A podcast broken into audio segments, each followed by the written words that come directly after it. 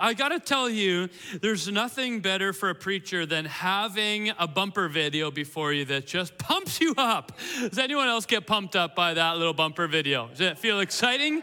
Come on, it feels exciting to, to do that. By the way, uh, I just loved last week that uh, Joshua gave a shout out to Moses and made the connection to them.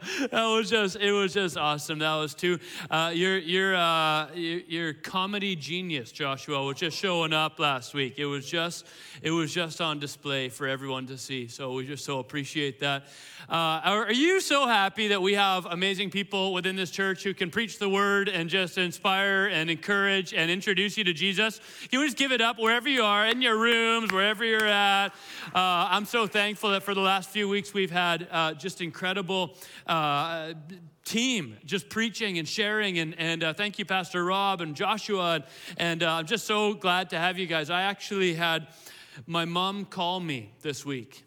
And she said, uh, Evan, what's wrong? I said, Why? What? What's up, mom? She's like, You haven't preached for the last two weeks. Is everything okay at the church? and uh, I'm like, Mom, everything's gonna be just fine, I think. And uh, so, anyways, people out there caring for all of us. I uh, hope you have someone that cares for you.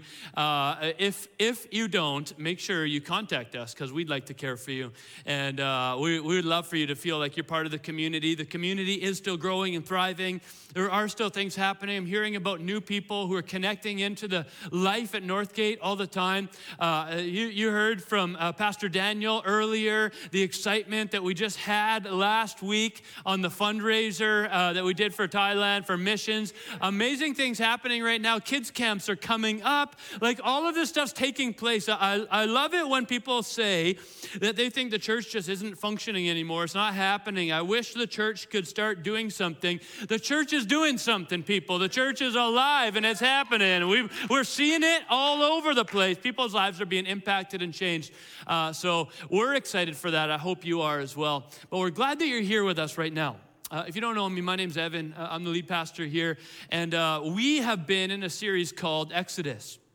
And the subtitle for Exodus has been uh, See the Salvation of the Lord. Next week is where that verse actually comes from. When I, am going to speak next week about that one. But see the salvation of the Lord is the goal that we, we really believe that, that God wants, uh, uh, we, we know that God wants to lead you to a place of deliverance, of salvation, of new hope, of new life. And it's not just that it happened historically for Israel out of slavery of Egypt, it's also for your soul. But we're connecting those two, looking back to when God uh, saved Israel, saved the people of God from slavery from Egypt so that they could know his salvation and follow him for the rest of their days. And so uh, a couple weeks ago, we talked about Moses' mom, Jochebed. Thank you, Pastor Rob, for letting us know that that means back to bed for you.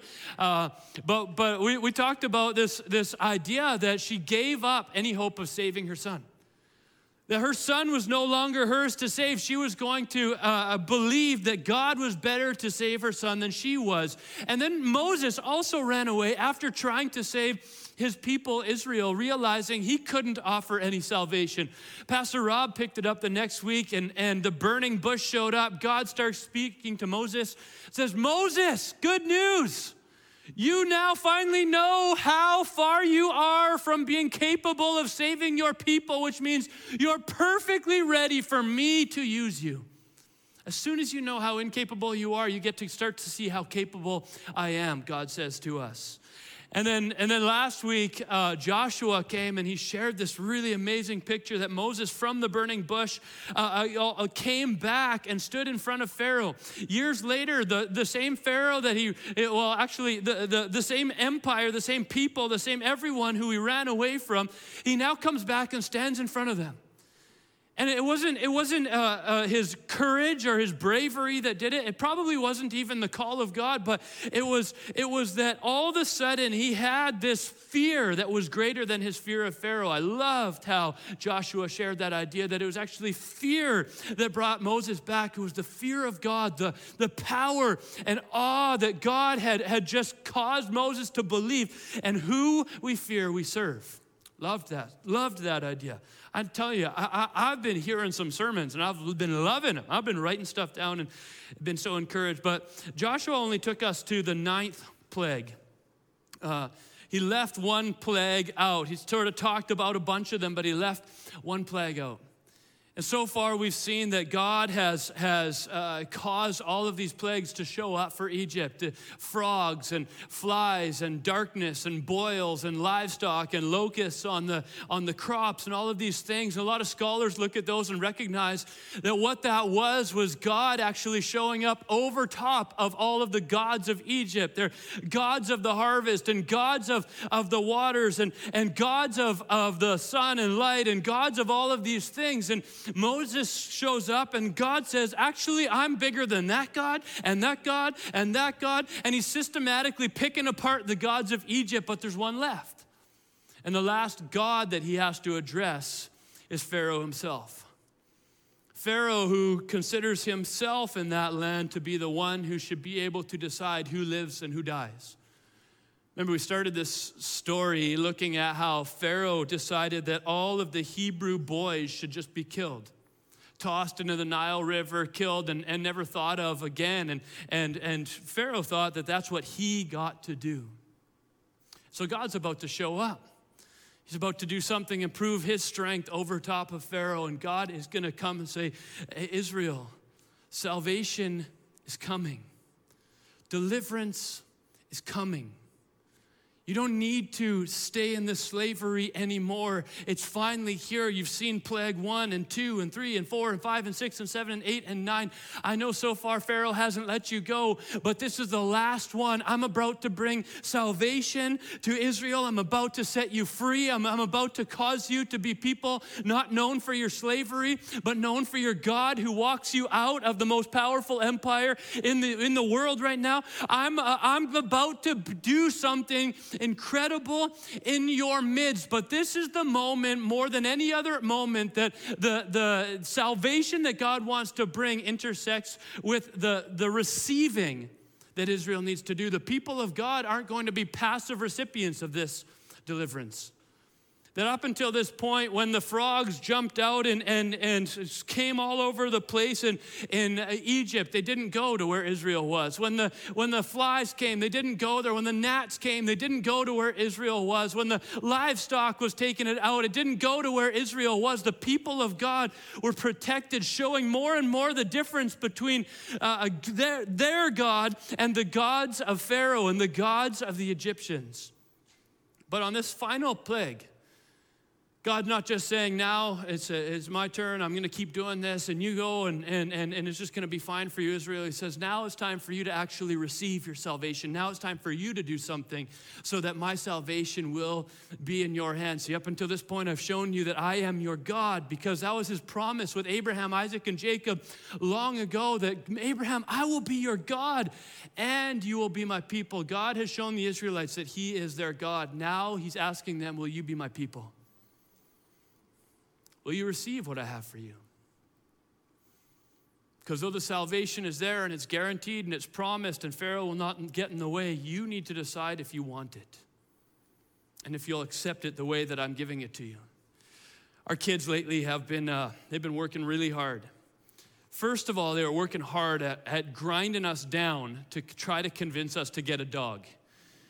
And uh, this is always, this is, I mean, I hear about this forever. I remember being a kid, and that was always my push with my parents. Come on, and you know, we're, we're arguing. Oh well, okay, and we're sort of trying to. We actually we actually borrowed a dog for a while. We we puppy sat a dog for a little while. Thank you, Alan and Bernine, for Lennon, uh, and thank you for not asking us to pig sit at the same time. Uh, but but we, we took a puppy on. We tried it out. Do you like walking? And it's always like, will you pick up the boot? Yeah, I'll totally pick up the poop. Like, see, I did it. Da da da da. Like every day, all the time. Will you do it then? You know. And so the kids were wearing us down and and and, and working hard. There, we really want a dog, mom and dad. And finally, we said, okay, okay, okay. You're gonna get a dog. We can get you a dog, but here's the deal. You have to you have to contribute to this dog. And if their, if their little brains were starting to work, they were starting to think, wait a sec, we don't have an allowance. we we can't, aren't old enough to make any money. At that point, when we started talking about a dog, we had like an eight year old, a six year old, and a three year old. and we're like, you have to contribute a $1,000. That's a pretty significant contribution. Like that's a lot, that's a lot of money for an eight year old, six year old, three year old. And I think Kendall and I were just thinking this buys us some time, maybe like a decade or so. Maybe it buys us enough time so they won't want a dog. But they start putting their, okay, we're gonna get a dog. Let's see, how are we gonna do it? And all of a sudden they've got on this idea that if we start collecting bottles, then we can get a dog. And so they would start everywhere. Like they'd go to a friend's house and be like, hey, so I noticed you guys like bubbly. Uh, do you have any cans around? Hmm.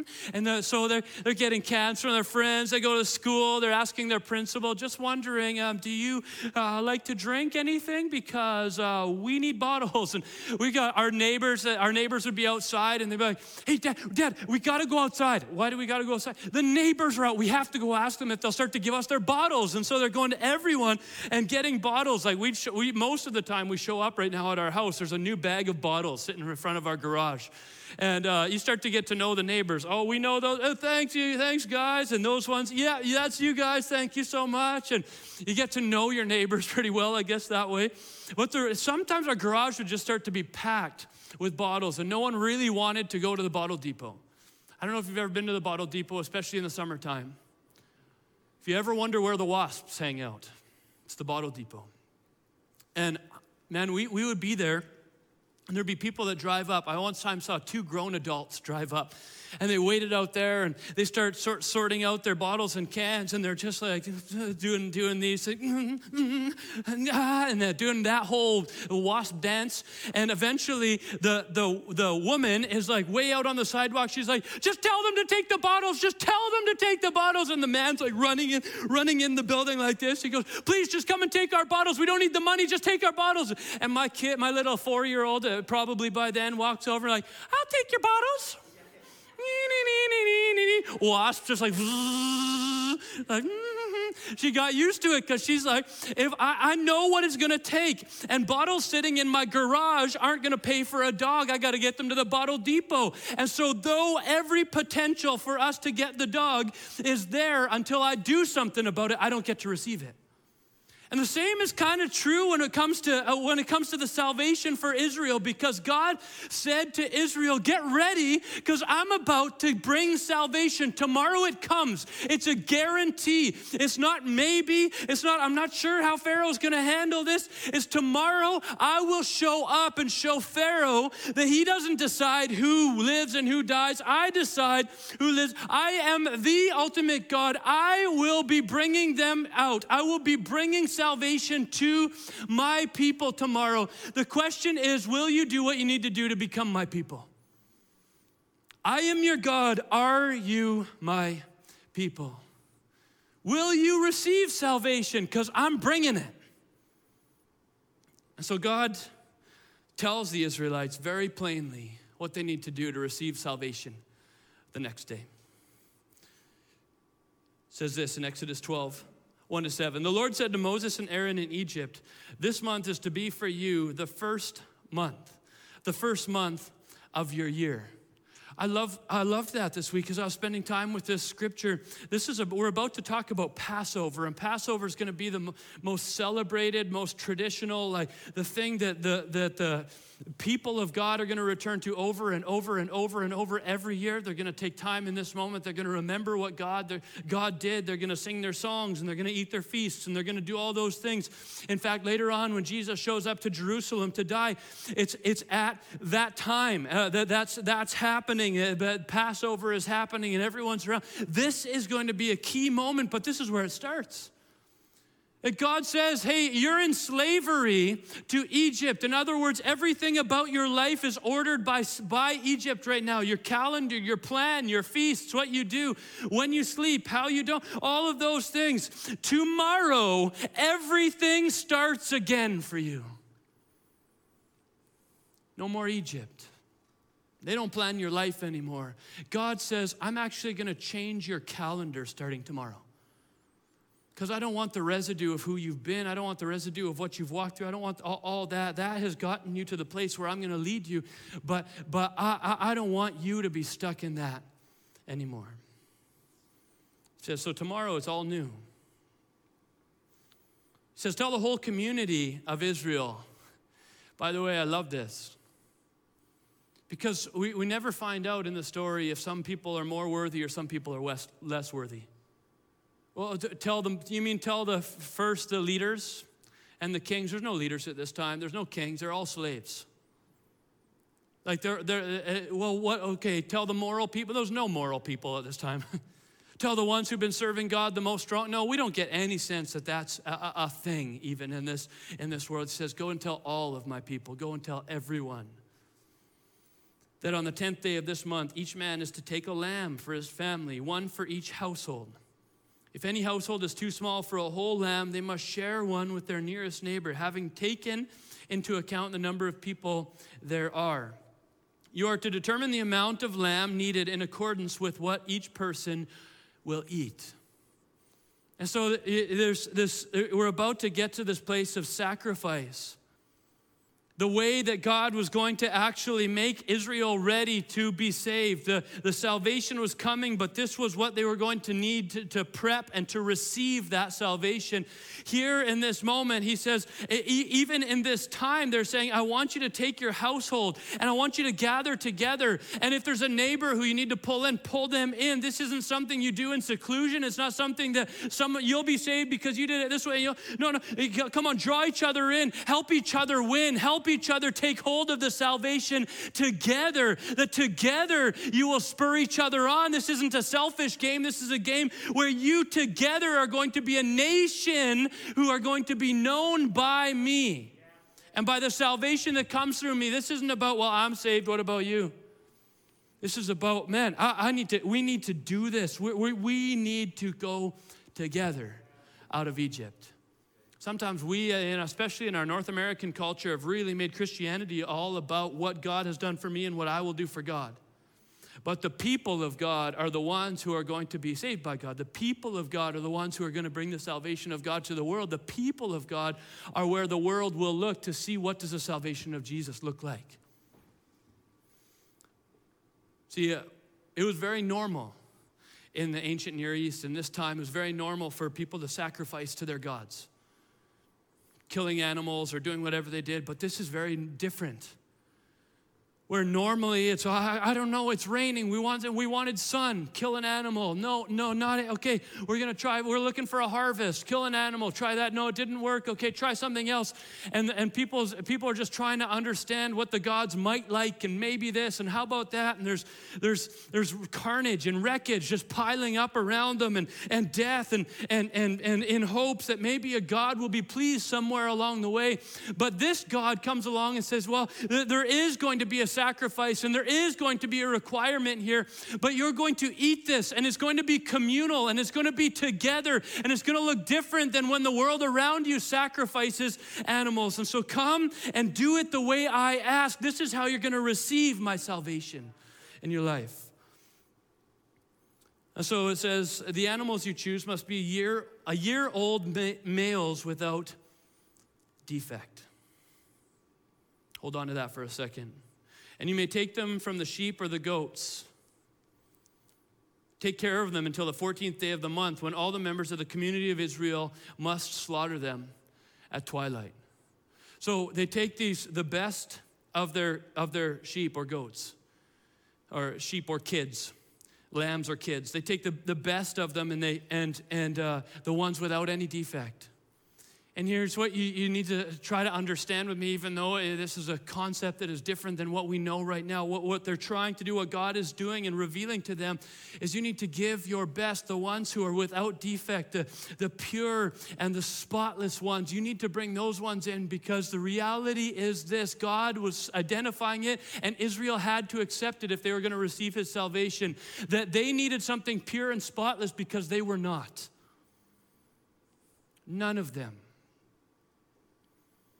God, what if some of us sacrifice and some of us don't? What if some of us are pretty good already on our own? Do we still need to do that thing because we've actually been pretty righteous? No, God is saying, as a nation, you have walked away from me. As a nation, you've forgotten me. As people, you've, you've turned to other in other directions. You've, you've stopped looking to me. Stop. As a nation, you need to know now that you are not pure and spotless, so you need a sacrifice that is because your guilt and your shame and your sin needs to go somewhere. So it needs to go to the most perfect thing you have.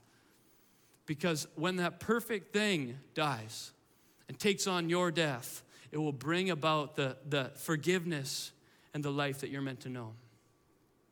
But then this is the other part that's kind of crazy. I spent a lot of time on this part this week. It says, Take care of them until the 14th day of the month. Isn't that a bizarre thought?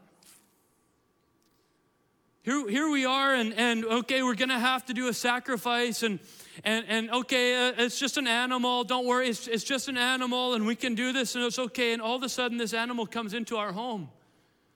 And we're caring for this thing, we're looking after this thing, and now this thing is not a thing. Maybe this thing has a name, and now this thing has, uh, we've, we've fed it and we've looked after it, and, and maybe the kids have played with it, and all of a sudden, like this, the, the pain is growing for the fact that I'm going to have to rid, uh, uh, uh, get rid of this animal, sacrifice this animal. And I want us to feel that pain. I want us to know that pain because God didn't want them to just, I'll just kill some sort of animal like all everyone else does, and maybe the gods will be pleased. He says, I want want you to know how much wreckage follows your life when you turn away from me.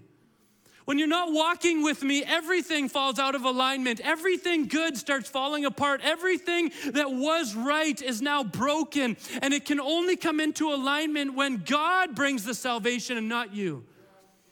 And so they, they, they, they bring this animal in and then they have to slaughter it at twilight, it says. This wasn't flippant or religious for them. Was tragic, it was painful, it hurt, it was loss.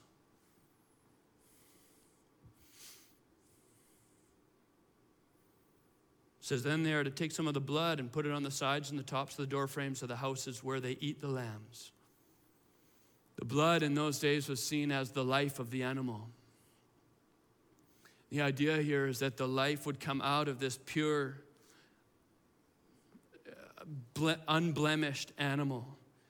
And that life would cover over the death of the house. That life would make the house pure where it wasn't pure before. The house would, would wash, away, uh, the life would wash away the sin where it was covered in sin previously. That the life would come out of this animal and cover over the death that had ruled in that house before. It was not about these houses being, being empty of death. It's not that God said, oh, the Israelites are just the best. Love them. They're always so obedient and follow me in everything they do. It's about them being covered by the blood of this perfect animal so that life could replace death. Exodus 12, 12 to 20 says, And then on that same night I will pass through Egypt and strike down every firstborn of both people and of animals, and I will bring judgment on all the gods of Egypt. I am the Lord. The blood will be a sign for you on the houses where you are, and when I see the blood, I will pass over you. No destructive plague will touch you when I strike Egypt. See, God didn't go through or however you read that, the angel of death didn't go through here and, and look around and say, Oh, I, is that Clarence's house? I know Clarence, good guy. Yeah, let's just let him come along. No, the, the, this, this is coming, and the only houses that did not deal with the carnage, the only houses that experienced salvation and experienced deliverance were the ones covered by the blood. No houses, no matter how good the people, how famous they were in the city, how, oh, they run a good business. Oh, those people serve really well. Ah, we really like them. They've been very generous with others. None of that, that, that none of that was good enough. See, no one was good enough for God to get, give them salvation. Salvation doesn't come because we're good enough. Salvation comes because there's a sacrifice that a pure and perfect and undefiled uh, uh, uh something receives the guilt and the shame and the brokenness and all of the rebellion from us. And when that animal dies, all of a sudden, the blood that comes out becomes life to those who have been defiled previously.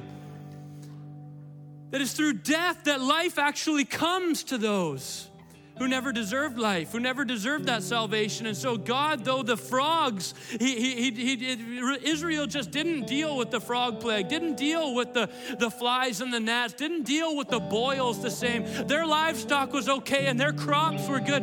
None of those things mattered. They passively received those. But God said, Now that you know that no God is as big as me, and now that you know that I have a mind for you to be saved, and I'm reaching out to you, and I am your God, I want want to know will you become my people? Because if you're going to become my people, if you want to do this, it doesn't happen your way, it doesn't happen the world's way, it doesn't happen everyone else's way, it doesn't happen because you're good enough or because you came from the right family. It happens because a death brings perfect life to your home. And at that point, not when you're good enough, will you be saved. And you'll walk out of here together. Who gets to? Everyone who does it the way that God asks for. John 129, some 1500 years later, talked about John the baptizer. And John the baptizer talked about the one who would come. There's going to be this one who's going to come. And when he comes, he's going to baptize with the Spirit. He's going to baptize with fire. It's going to be amazing. Everything is going to change. When Jesus shows up, John the baptizer says, On the next day, John saw Jesus coming toward him and said, Look, it's the Lamb of God who takes away the sin of the world.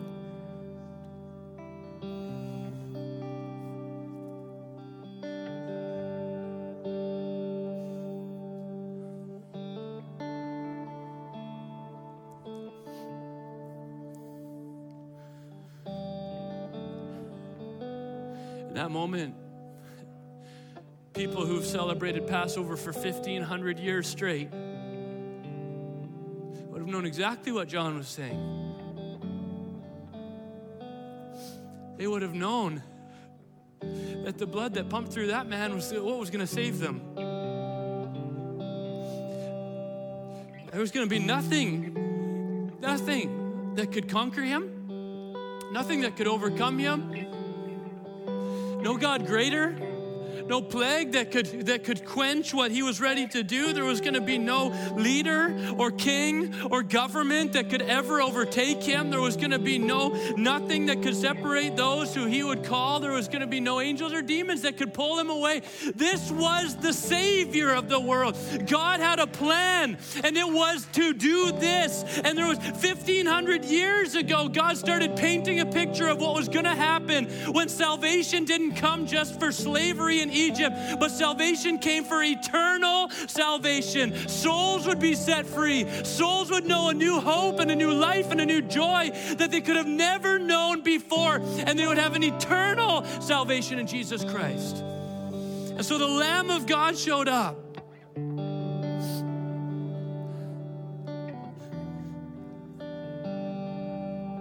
just like the find it pretty crazy that when God said to in Egypt, He says, Israel, tomorrow when you leave here, you're going to set up your calendars in a new way. Isn't it kind of crazy that our calendar is based off this man, Jesus?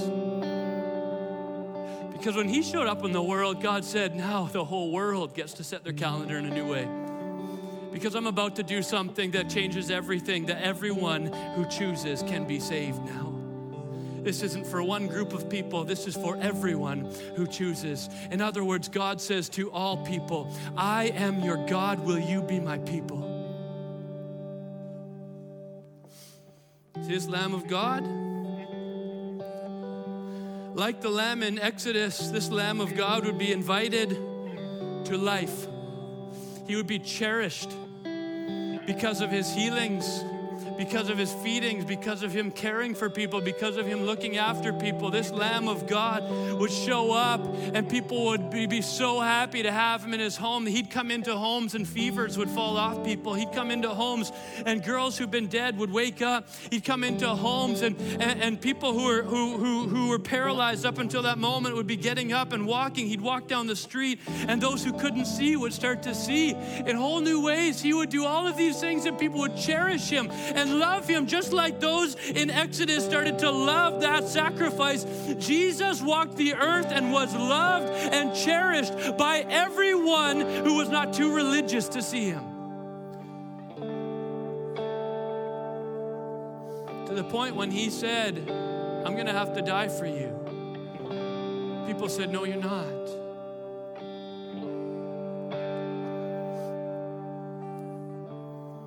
But then he died. And like the lamb of Exodus, this was the pure and spotless Lamb of God. Who only know, knew perfection and sinlessness. Until he felt the weight of the world's sin fall on his shoulders and received the judgment that every other person should receive so that the salvation and the victory and the new life could be anyone who's chosen.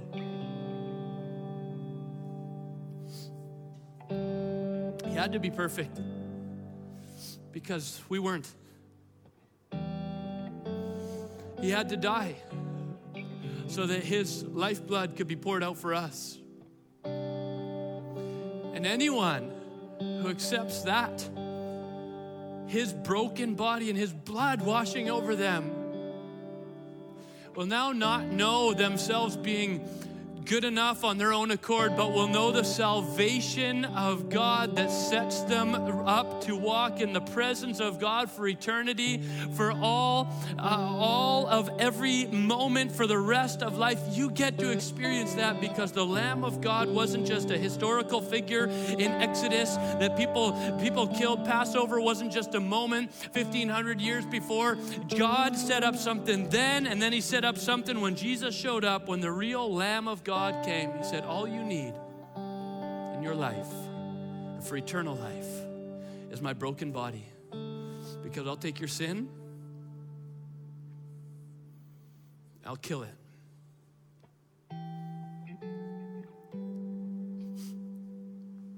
So we do celebrate Passover from 3,500 years ago.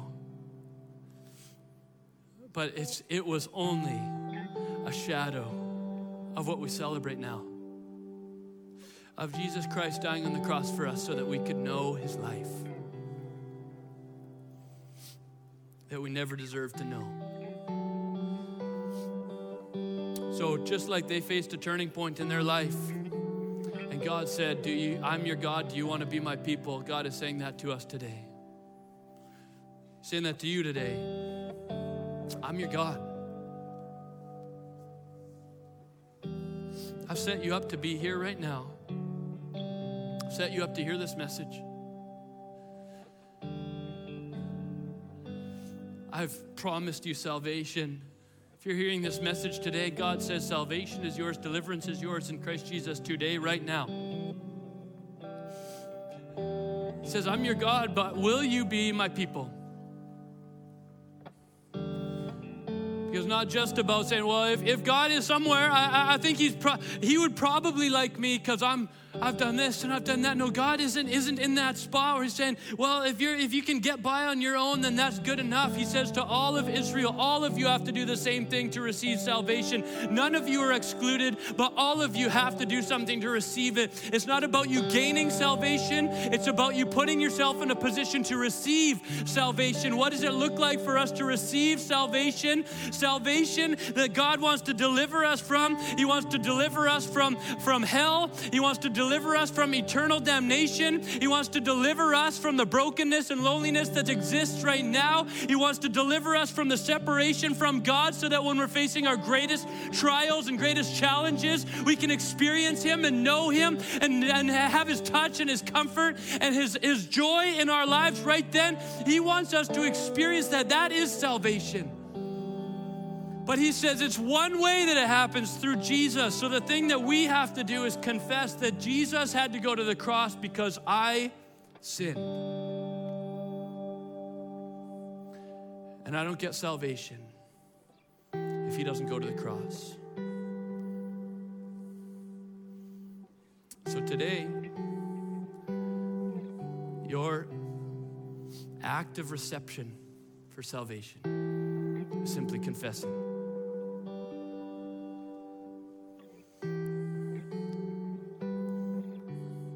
Pray in one minute. I want to give you one minute. We're going to do this together in a second. We're going to feast together like they did in Exodus. We're going to come together and, and taste of God. This is, this is a together thing, but you have to make a choice right now. Is this a you thing? I want you and my family. I want us to I want us to together feast on the Lord.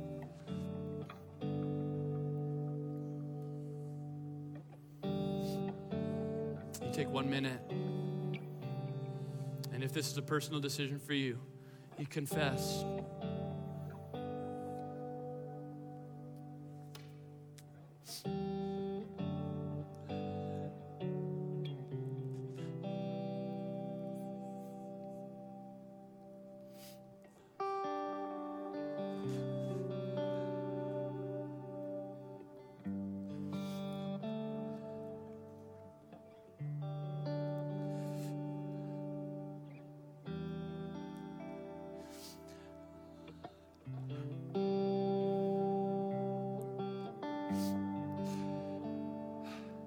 Lord, I thank you for the people who are right now making a decision for the very first time that they want to receive your salvation.